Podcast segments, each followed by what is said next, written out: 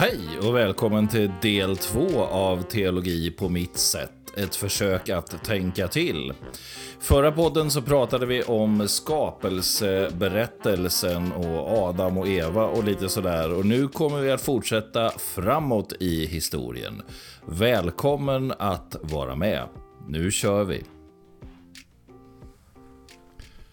När nu spelplanen väl är lagd, är när skapelsen är fullbordad och berättelsen börjar resa sig upp ur urhistoriens djup, så börjar resan mot världens räddning. Gud väljer att begränsa sig till en familj och den ska bli ett stort folk. Det är kanske inte det bästa valet mänskligt sett. Abraham och Sarai är tämligen gamla. Välbärgade är de dock och de ger sig iväg med Abrams brorson Lot som del av sällskapet och säkert också tilltänkt arvinge. Det här är början på det som vi brukar kalla för patriarkberättelsen. Och utifrån den här räckan av livsöden och faktiskt också äventyr så får vi uttrycket Abrahams, Isaks och Jakobs Gud. Och det får oss så lätt att dra slutsatsen att det är männens historia. Männens välsignelser och handlingar som beskrivs. Men jag håller inte med. Egentligen tror jag nog att vi hellre borde tala om Abrahams, Rebeckas och Jakobs Gud. Eller kanske till och med Abrahams, Hagars, Rebeckas och Jakobs Gud. I alla fall om vi ska prata om löftets historia. Löftets folk på löftets väg är i alla fall lika mycket en matriarkhistoria som en patriarkhistoria. Innan vi går vidare med Abraham och Sarai så kanske det kan vara på sin plats att nämna något om det som händer innan. När vi lämnar Adam och hans släkt så kommer några berättelser som vi ofta har ganska svårt för. Åtminstone den första som handlar dels om Adams släkttavla där alla blir så gamla och vi får höra talas om Metusalem. Eh, men så finns den där andra delen också där jättarna dyker upp. Gudaväsen går ner på jorden och tar sig hustrur bland människornas vackra döttrar. Och det får Herren att begränsa människans livslängd till 120 år. De barn som gudaväsendena får med människornas döttrar verkar bli jättar som är urtidens hjältar. Den andra berättelsen har vi lättare för och det är den om Noa. Han som bygger arken och är en del av Guds försök att utrota synden från skapelsen. Båda de här berättelserna har lite svårt att passa in i det övriga. Men jag tror de har sin plats i alltet i alla fall. Den egentliga meningen med dem tror jag i stort sett har gått förlorad. Men jag ser något annat här. Båda de här berättelserna ger oss en anknytningspunkt till en ursprungstro en förjudiskt och definitivt förkristen tro som binder oss samman med annan religiös tro. I den sumeriska skapelseberättelsen som det åtminstone finns fragment av så återfinner vi temat med gudar som klivit ner på jorden. Och en av dem överlever en översvämning. I Gilgamesh-eposet så utvecklas historien och det är guden Enlil som förorsakar floden eftersom människorna är så bråkiga och högljudda att han inte får sova. I mayafolkens skapelsehistoria Popol Vuh så försöker gudarna skapa människor av lera men de tål inte ens lite regn. De försöker igen med människor av trä men de är stela och kan inte röra sig och det värsta av allt är att de inte kan tillbe gudarna. Därför skickar de en flod som förstör de hopplösa människorna. Myten om floden som förstör mänskligheten och där endast en liten grupp med människor och djur överlever. I ett fall faktiskt bara en man och hans hund. Verkar vara någon sorts urhistoriskt minne som vi bär med oss. Men nu lämnar vi urhistoriens lite grumliga vatten och går framåt i historien. Och det börjar med Abram och Sarai. Det barnlösa äldre paret som ger sig ut på sin långa vandring. De ger sig iväg, kanske lite på vinst och förlust mot det land som Herren lovat Abram. Han verkar helt beredd på att kapa alla band och kanske till och med bränna alla broar. Om vi läser i Bereshit Rabba så finns det rabbinska berättelser om Abrams liv innan avresan. Hans pappa Tera ska ha varit en tillverkare av gudabilder och sålt dem. Vid ett tillfälle beger sig pappa Tera ut på en resa och lämnar Abraham med ansvaret för gudabildsaffären. In kommer en man som vill köpa en staty att ta hem och dyrka. Abraham tittar på honom och frågar om det inte är konstigt att en man på mer än 50 år ska dyrka en gud som bara är en dag gammal. Mannen skäms och lämnar affären.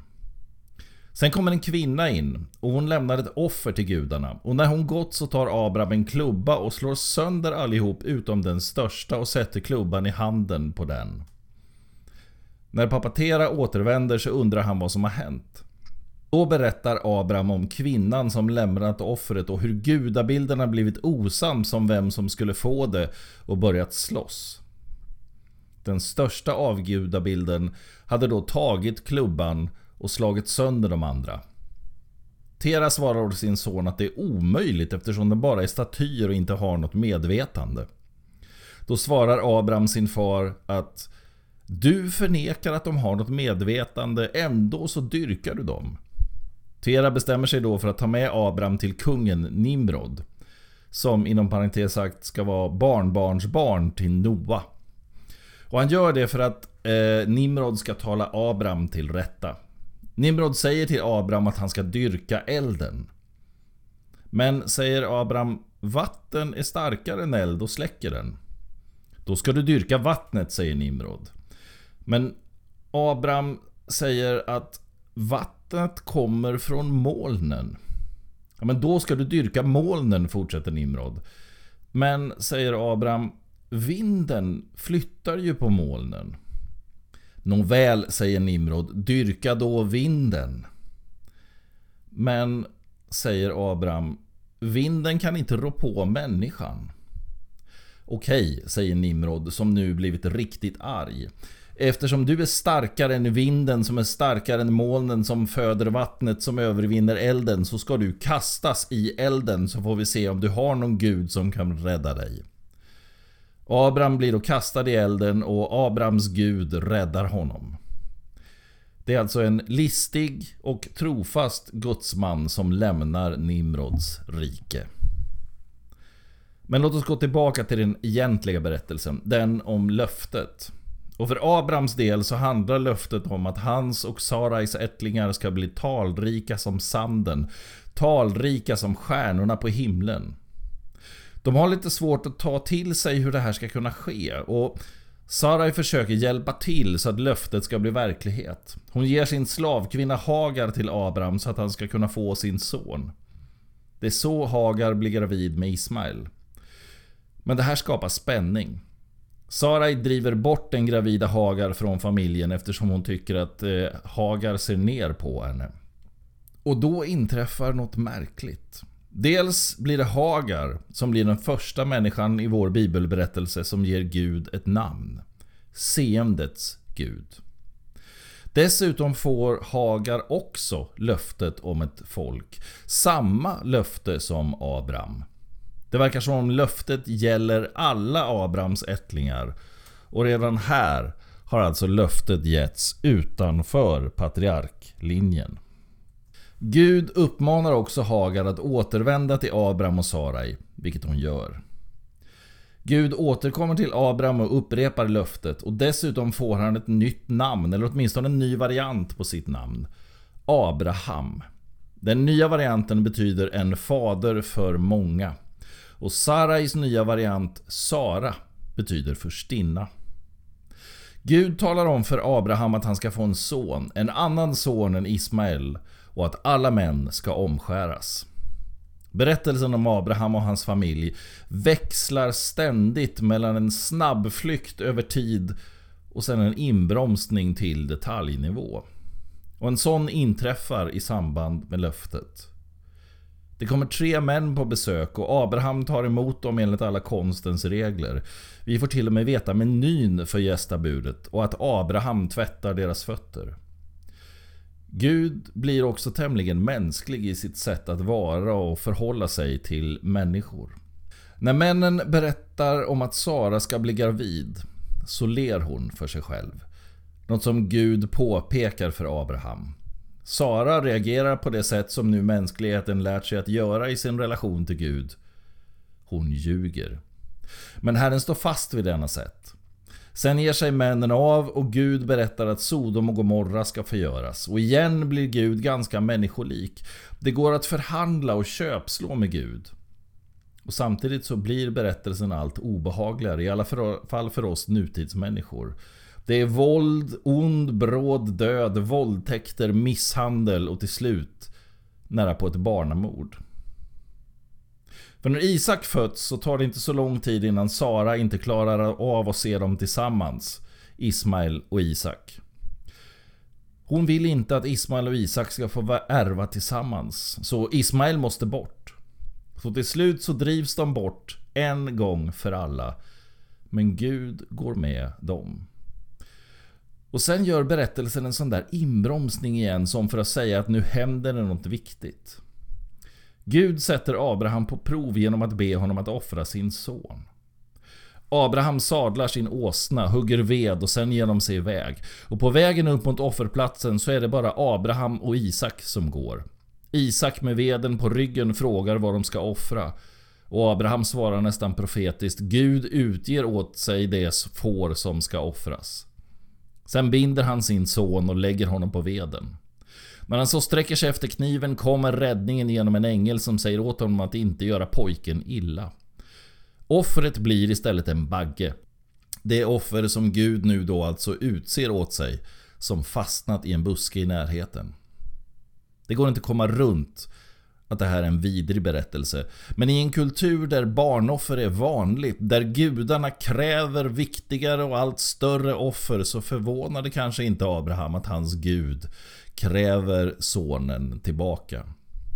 Det kan till och med vara värt att notera att Abraham inte verkar ifrågasätta någon enda gång det som han fått veta att han ska göra. För honom verkar det nästan som en naturlig del av tro och liv. Men händelsen sätter spår både i Abraham och Isak. Abraham släpper efter detta knappt Isak utanför lägret och Isak drar sig in i sig själv och blir i mångt och mycket en bifigur i sin del av patriarkhistorien. Den besinningslösa offerkulten börjar också brytas. Den gud Abraham lärt känna kräver inte död och förintelse. Men det händer också något annat. Löftet upprepas. Abrahams ättlingar ska bli talrika som stjärnorna på himlen, som sanden på havets strand. Men de får också, som jag ser det, ett uppdrag kopplat till löftet. Detta talrika folk ska alltså leva så att alla folk önskar sig den välsignelse som de fått. Uppdraget är att med sina liv visa på Guds trofasthet och välsignelser.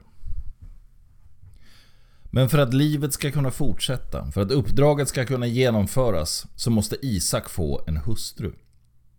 Den äldste tjänaren får uppdraget att finna Isak en hustru.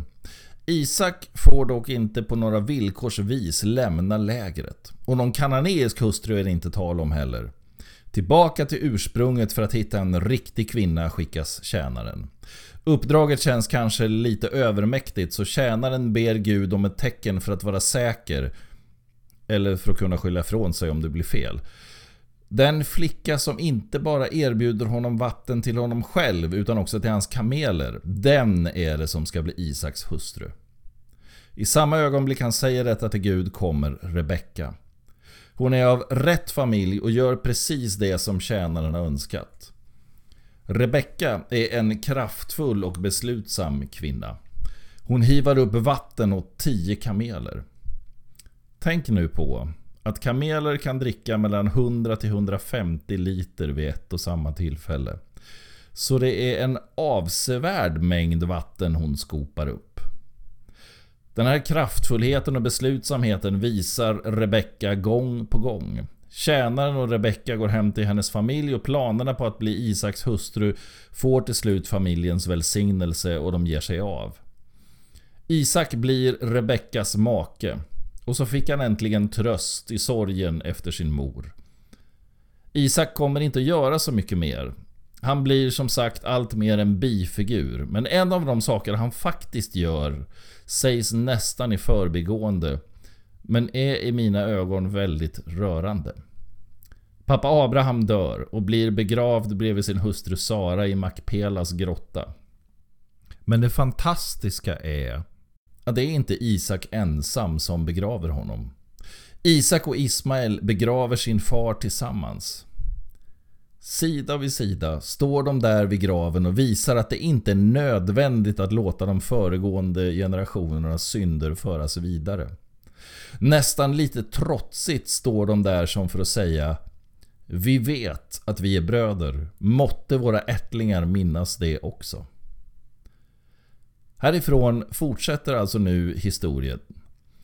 Men utan att upp, löftet upprepas eller betonas så mycket. Det är istället uppdraget, livet, som står i centrum. Allt börjar kretsa kring den där välsignelsen och dess konsekvenser. Gudsfolket ska nu leva ut den. I nästa avsnitt kommer vi att fortsätta berättelsen, men då handlar det om Jakob och Esau. En del om Laban och Lea och Rakel och deras barn förstås också. Vi hörs!